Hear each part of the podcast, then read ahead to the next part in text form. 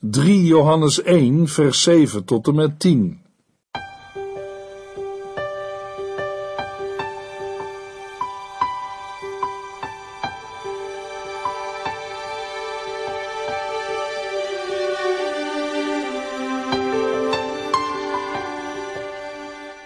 Hartelijk welkom bij De Bijbel Door. Dit is een programma van Transworld Radio. U kunt ons ook vinden op internet www.transworldradio.nl. De Bijbel Door is een radioserie die in vijf jaar tijd door de hele Bijbel gaat. Van Genesis tot Openbaring, van kaft tot kaft.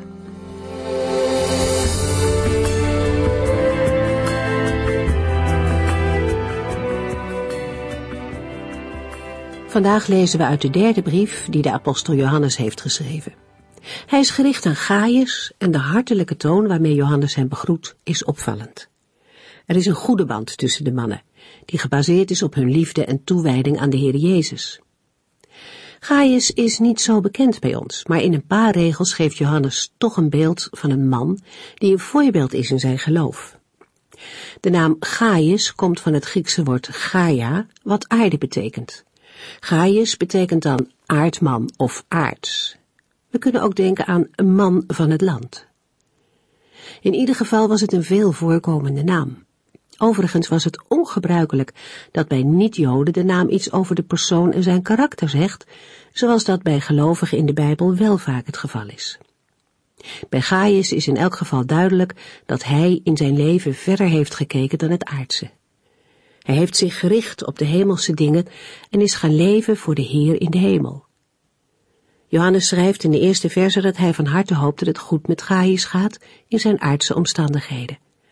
Over Gaius wandel met God maakt Johannes zich geen zorgen. Hij schrijft dat anderen bij hem geweest zijn en hem verteld hebben over de trouw van Gaius aan de waarheid. Waarheid is hier meer dan eerlijk zijn. Het gaat hier om de geopenbaarde waarheid over God de Vader zijn zoon Jezus Christus en de Heilige Geest. Gaius kende die waarheid, leefde vanuit die waarheid en wandelde in die waarheid. Als Johannes dit hoort van de rondreizende predikers, dan maakt hem dat bijzonder blij. Niets maakt mij zo blij dan dat ik hoor dat mijn kinderen in de waarheid wandelen, zegt de apostel. De reizende broeders hebben bij Gaius een warme gastvrije ontvangst gehad, ook al kende hij hen niet. Dat laat zien hoe trouw en toegewijd Gaius was. Zijn liefde voor de Heere werd zichtbaar in zijn daden. En zo zien we in een paar versen een man die een geliefde broeder was, iemand die wandelde in de waarheid, een man die trouw was in zijn liefde en gastvrij richting andere gelovigen. En vandaag lezen we verder over die behulpzaamheid.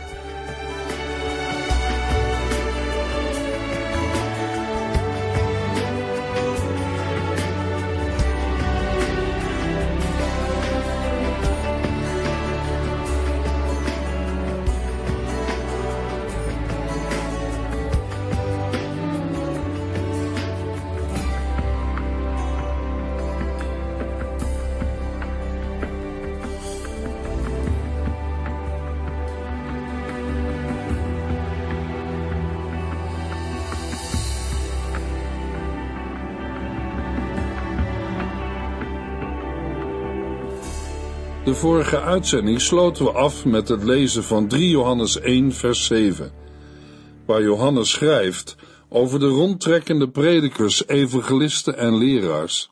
Zij zijn op reis gegaan omwille van de Here en nemen niets aan van mensen die niet in hem geloven.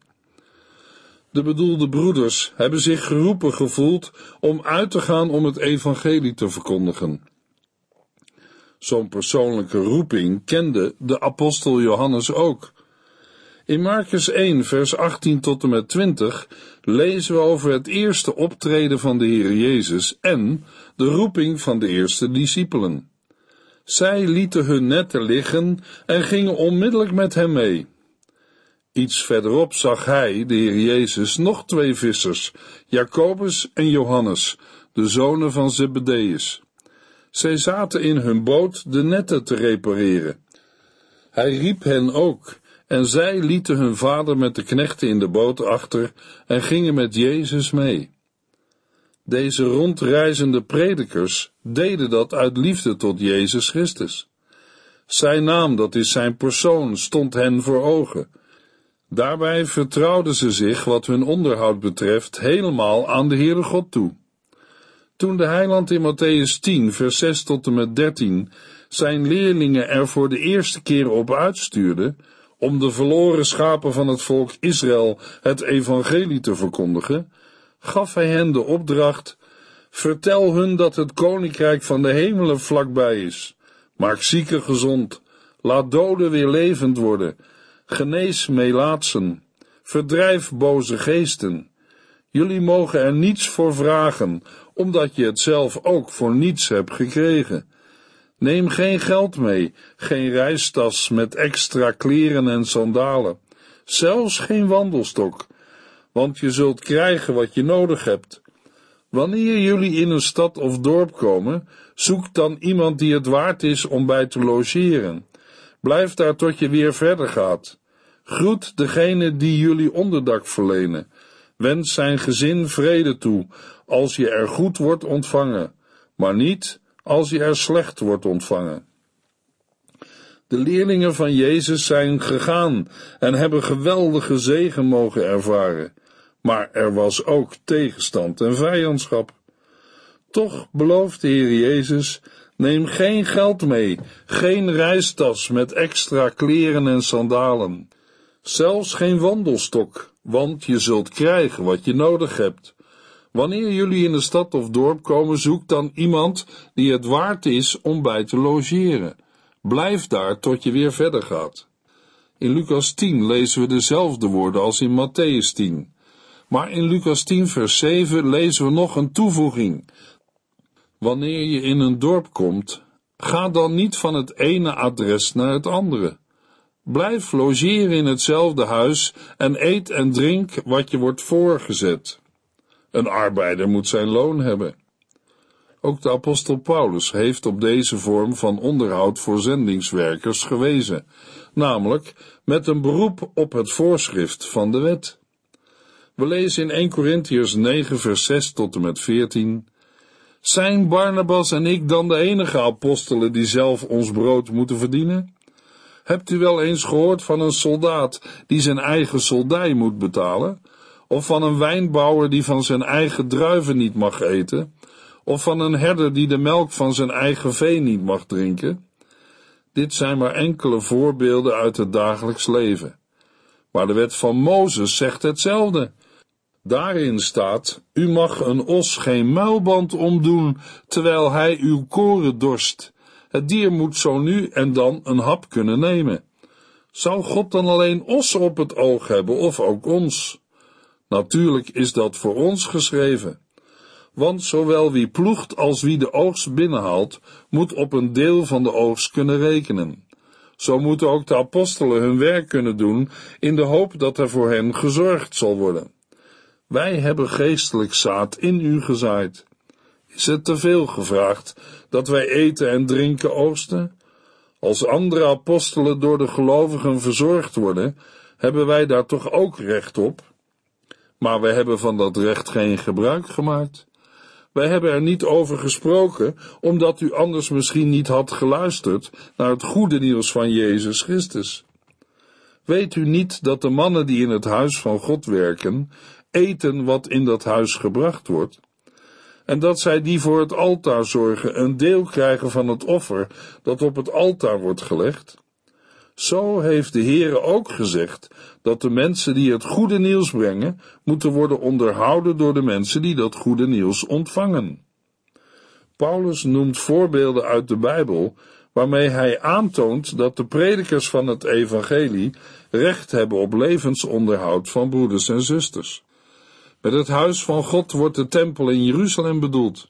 De wet van de Heere schreef nauwkeurig voor welk deel van de inkomsten, gaven en offers voor de priesters en de levieten bestemd was. Nog directer geldt dat voor hen die de offerdienst uitvoeren. Zo beschrijft Deuteronomium 18 welk aandeel de priesters ontvangen van de offerdieren die aan de Heere werden geofferd. Degenen die hun leven hebben gesteld in dienst van Gods tempel, horen uit deze dienst levensonderhoud te ontvangen. Geheel in de lijn van de genoemde voorbeelden en voorschriften uit de wet heeft ook de Heer Jezus gesproken, toen hij een grote groep leerlingen uitzond om het evangelie te prediken. Deze woorden van Jezus aan zijn volgelingen uit de tijd dat er nog geen gemeente bestond, is nu op te vatten als een opdracht aan de christelijke gemeente om de predikers van het evangelie te onderhouden. In Gelaten 6 vers 6 lezen we, wie onderwezen wordt in het woord van God, moet zijn leraar laten delen in al het goede dat hij zelf heeft. Johannes schrijft aan Gaius, zij zijn op reis gegaan omwille van de Here, en jij hebt hen gastvrij ontvangen en zette je huis voor hen open. Ze ontvingen geen salaris of beloning, maar gingen erop uit, in gehoorzaamheid aan hun roeping en in vertrouwen op de Here. Naar zijn belofte heeft hij voor hen gezorgd. Jezus beloofde hen, want je zult krijgen wat je nodig hebt. Toch was de praktijk van het zendingswerk in de tijd van het Nieuwe Testament niet anders dan vandaag. Want er gingen deuren van huizen open voor de verkondigers van het evangelie, maar er waren ook plaatsen waar dat niet gebeurde. Voor ons is de reden waarom verkondigers van het evangelie niet gastvrij worden ontvangen niet altijd duidelijk. Maar er is zonder meer een geestelijke reden namelijk dat licht en duisternis elkaar niet verdragen. De nieuwtestamentische zendelingen en predikers namen niets aan van mensen die niet in hem, in Jezus Christus, geloofden. De rondtrekkende predikers hebben tijdens hun reizen niets aangenomen van mensen die niet in Jezus Christus geloofden. Iets aannemen van ongelovigen zou kunnen leiden tot compromissen bij het brengen van de boodschap. Aan de andere kant had het te maken met gehoorzaamheid aan de opdracht en de voorschriften die de Heere al in het Oude Testament aan zijn volk Israël had gegeven, met betrekking tot het onderhouden van de priesters en levieten, de mensen die dienst deden in de tabernakel en later in de tempel. De woorden uit Gelaten 6 vers 6 zijn er een goede samenvatting van. Wie onderwezen wordt in het woord van God, moet zijn leraar laten delen in al het goede dat hij zelf heeft. Het was een principe dat in de wereld van het Nieuwe Testament geen ongewone zaak was. In die dagen waren er heel wat rondtrekkende filosofen en bedelende priesters die met verkondiging en onderwijs hun brood verdienden. Maar juist van hen moesten de predikers van het evangelie duidelijk onderscheiden zijn. Het maakte zulke rondreizende evangelisten echter afhankelijk van mensen als Gaius. Ter verduidelijking, in die dagen waren er heel wat rondtrekkende filosofen en bedelende priesters, die met verkondiging en onderwijs hun brood verdienden. Van hen moesten de predikers van het evangelie duidelijk onderscheiden zijn. Paulus schrijft in 1 Thessalonicense 2 vers 5 tot en met 10, Zoals u weet, hebben wij niet geprobeerd u met vleierij voor ons te winnen. God weet dat wij niet deden alsof, om op die manier geld van u los te krijgen. Wij zijn er ook nooit op uit geweest eer van u of van anderen te krijgen, hoewel wij als apostelen van Jezus Christus wel op onze rechten hadden kunnen staan. We zijn zo zacht en vriendelijk voor u geweest als een moeder voor haar kinderen. Wij hadden zoveel liefde voor u gekregen, dat wij u niet alleen met plezier Gods boodschap brachten, maar zelfs ons leven voor u wilden geven. U herinnert zich wel, vrienden, hoe wij ons voor u hebben ingespannen. Dag en nacht zijn we in de weer geweest. Terwijl we u het goede nieuws van God brachten, zijn wij niemand tot last geweest. We hebben ons eigen brood verdiend. U bent samen met God onze getuige dat wij in onze omgang met u zuiver, eerlijk en onberispelijk zijn geweest. Johannes schrijft in 3 Johannes 1 vers 7 zij zijn op reis gegaan omwille van de Heere en nemen niets aan van mensen die niet in hem geloven. Wij moeten dit vers niet verabsoluteren. Het betekent niet dat een rondreizende evangelist nooit hulp van een niet-christen zou mogen accepteren, maar hij mag er op geen enkele wijze van afhankelijk zijn. 3 Johannes 1 vers 8 Daarom moeten wij zulke mensen gastvrij ontvangen. Zo helpen wij hen de waarheid meer en meer bekend te maken. Omdat reizende boodschappers van het evangelie niet door mensen ondersteund moeten worden die niet in Jezus Christus geloven, is het de plicht van gelovigen hen te helpen. Het woordje daarom staat in de zin vooraan en heeft daardoor de nadruk. In het Grieks staat er, wij dus zijn verschuldigd hen te ontvangen, opdat wij medewerkers worden van of voor de waarheid. Niet de mensen die niet in de Heer Jezus geloven zijn voor hem verantwoordelijk, maar wij. Niet de heidenen, maar wij wel. Zulke zendelingen, evangelisten en predikers moeten gastvrij worden ontvangen en ondersteund, voorzien van al wat nodig is om de opdracht verder uit te voeren. De gastvrijheid van de gelovigen dient een doel, namelijk de bevordering van de verkondiging van het evangelie. Dat evangelie wordt in vers 8 de waarheid genoemd. De waarheid is in 3 Johannes de inhoud van het evangelie van verlossing door de Heer Jezus Christus. De boodschap van redding en verlossing door Christus. Deze waarheid staat tegenover de leugen van de misleidende leraars die in deze wereld rondlopen.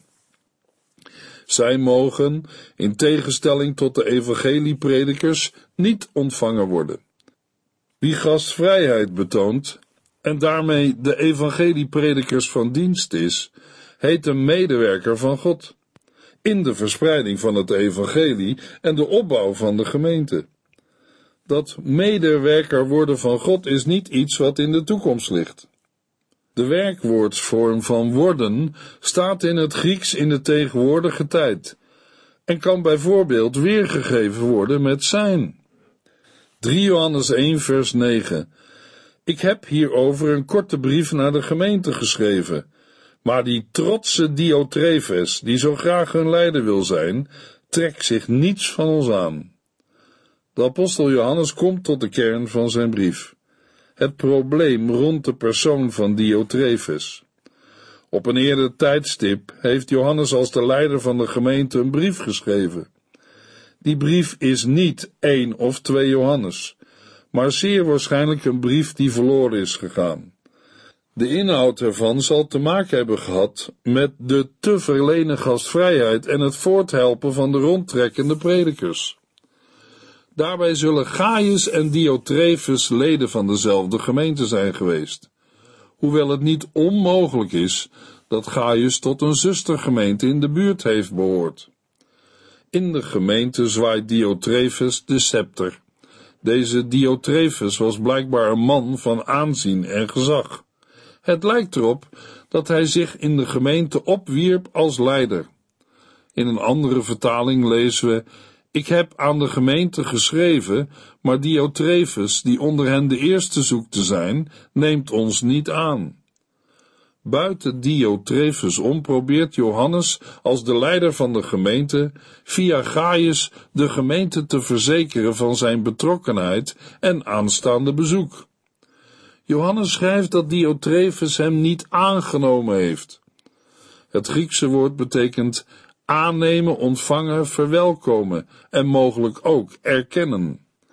Het lijkt erop dat Diotrephes niet bereid is geweest het gezag van de apostel Johannes te erkennen. De invloed van de apostel Johannes mag van Diotrephes de christelijke gemeente niet bereiken.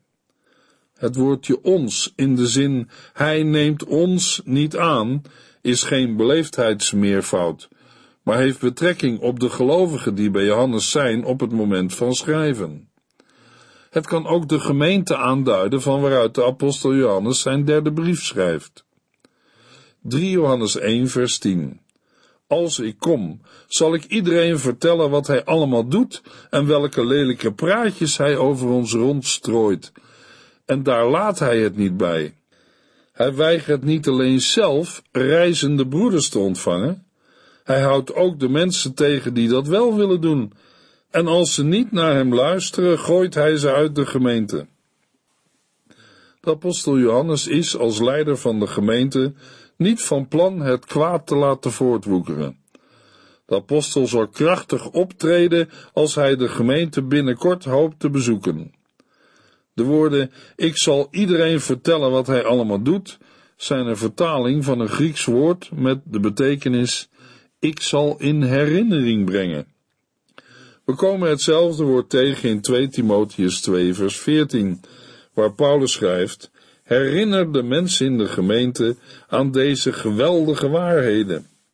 In 2 Petrus 1 vers 12 en 13 gebruikt de apostel Petrus hetzelfde woord om de gelovigen te zeggen, ik ben van plan u daaraan te blijven herinneren, ook al weet u het allemaal en staat u stevig gegrondvest op de waarheid. En zolang ik nog in deze tent mijn lichaam woon, wil ik geregeld dit soort brieven schrijven om u wakker te houden. En in 2 Petrus 3 vers 1 schrijft Petrus, Vrienden, dit is al de tweede brief die ik u schrijf. In beide heb ik uw geheugen willen opfrissen, zodat u helder zult blijven zien waar het om gaat. En in Judas 1 vers 5 komen we het woord weer tegen. Judas, een broer van Jezus, schrijft er, U weet het allemaal al, maar ik wil u er toch nog eens aan herinneren dat God zijn hele volk uit het land Egypte heeft bevrijd. Maar de mensen die hem niet vertrouwden, heeft hij gedood. Natuurlijk staan de woorden in de gelezen voorbeelden in een eigen context, maar het maakt de betekenis van de woorden meer duidelijk. Iets in herinnering brengen heeft ook de bedoeling van het geheugen opfrissen, wakker te houden, geweldige waarheden in herinnering te brengen, maar ook zaken opnemen en rechtzetten. Dit laatste is in 3 Johannes aan de orde met betrekking tot Diotrefus. Johannes zal bij zijn komst de woorden en daden van Diotrefus openbaar maken. De situatie kan niet met de mantel van de liefde worden bedekt. Het gaat in de houding van Diotrefus om vier dingen, namelijk één. Diotrefus sprak kwaad over Johannes en over hen die bij hem waren, waaronder vermoedelijk ook rondreizende predikers. Hij strooide lelijke praatjes rond en daarmee richt hij kwaad aan. Met zijn gedrag en opstelling wordt duidelijk dat hij bij de vele misleidende leraren hoort die in deze wereld rondlopen. Daaruit blijkt dat zij bedriegers en antichristen, vijanden van Christus zijn. De boze was de inspiratiebron van Diotrefus, waardoor verhoudingen werden vergiftigd. Het Griekse woord dat met lelijke praatjes is vertaald, betekent onzin uitkramen, zwetsen. De woorden van Diotrefus waren niet alleen boos, maar ook zonder betekenis. Punt 2 in de houding van Diotrefus is dat hij, in tegenstelling tot Gaius, geen rondreizende broeders ontving. Dat wil zeggen, hij verleende hun geen gastvrijheid. Het derde punt is dat Diotrefus anderen verhinderde die deze gastvrijheid wel wilden verlenen. Het vierde punt is het feit dat Diotrefus zelfs zo ver ging dat hij hen die naar hem luisterden en doorgingen met het verlenen van steun aan de rondtrekkende predikers uit de gemeente zette, of dat in ieder geval probeerde. De werkwoorden tegenhouden en uitgooien staan in de tegenwoordige tijd, dat wil zeggen, Diotrefus ging er nog steeds mee door. Blijkbaar had hij een zodanige positie dat hij dat kon doen, vermoedelijk met behulp van medestanders. Zijn opstelling tegenover Johannes en de reizende broeders, of rondreizende leraren, evangelisten en predikers, was ontoelaatbaar en moest worden gestopt. Al wat Diotrefus deed was niet omwille van de Here, maar te willen van zijn eigen naam. Zijn ik-gerichte houding vernietigde alle relaties. In vers 10 maakt de apostel Johannes duidelijk dat hij van plan is naar Gaius en de christelijke gemeente toe te komen om de boze praktijken van Diotrefus aan de kaak te stellen. Dat zulke situaties vaker voorkwamen in de christelijke gemeenten, blijkt ook uit de woorden van de apostel Paulus in 2 Korintiërs 13 vers 2 tot en met 5, waar de apostel schrijft, De vorige keer dat ik bij u was, gaf ik al een waarschuwing aan hen die hadden gezondigd. En nu waarschuw ik hen nog eens, en ook alle anderen, dat ik deze keer niemand zal sparen. Ik zal u duidelijk bewijzen dat Christus door mij spreekt. Hij is niet zwak, maar zal onder u zijn kracht tonen. Als een zwak mens stierf hij aan het kruis, maar door de kracht van God leeft hij nu. Wij zijn net zo zwak als hij, maar wij leven met hem en zullen in ons optreden tegen u sterk zijn door de kracht van God. Onderzoek uzelf om na te gaan of u wel gehoorzame volgelingen van Christus bent. Weet u of Jezus Christus in u woont? Mocht dat niet zo zijn, dan staat u er helemaal buiten. Johannes schrijft: Als ik kom, zal ik iedereen vertellen wat hij allemaal doet en welke lelijke praatjes hij over ons rondstrooit. En daar laat hij het niet bij. Hij weigert niet alleen zelf reizende broeders te ontvangen, hij houdt ook de mensen tegen die dat wel willen doen. En als ze niet naar hem luisteren, gooit hij ze uit de gemeente. Bij de laatste woorden van vers 10 moeten we bedenken dat iemand nooit op persoonlijke titel mensen uit een christelijke gemeente of kerk kan zetten. Diotrefus moet medestanders hebben gehad, of in ieder geval broeders die ter wille van zijn positie in de christelijke gemeente achter hem stonden en hem steunden. Mogelijk waren het mensen die geïmponeerd waren door zijn kennis van de Bijbel. Diotrefus zal hun ook aanvaardbare redenen hebben gegeven voor zijn gedrag en besluiten. Bijvoorbeeld, wat doen die vreemdelingen hier in onze kerk? Ze hebben hier niets te zoeken. Ze profiteren alleen van ons. Laat ze liever gaan werken en een eigen brood verdienen. Hoe het ook zij, mensen als Diotrefus vinden altijd een reden voor hun heersuchtig optreden. Daarmee staan zij niet in de liefde van Christus maar daarover meer in de volgende uitzending, in 3 Johannes 1, vers 10 tot en met 15.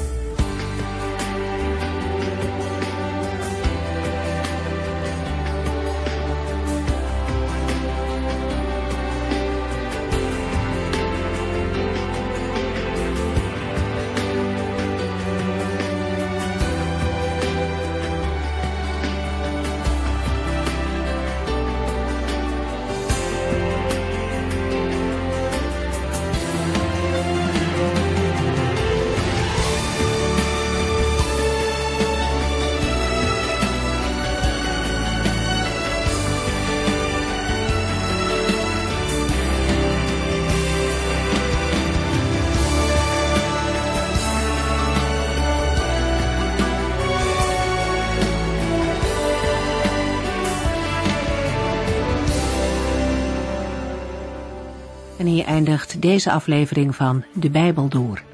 Een serie programma's van Transworld Radio. Wilt u ons iets vragen of meer weten? Dan kunt u altijd contact met ons opnemen. Bellen kan overdag met 0342 478432. Per post Transworld Radio. Postbus 371. Postcode 3770. Anton Johannes in Barneveld. En e-mailen kan ook.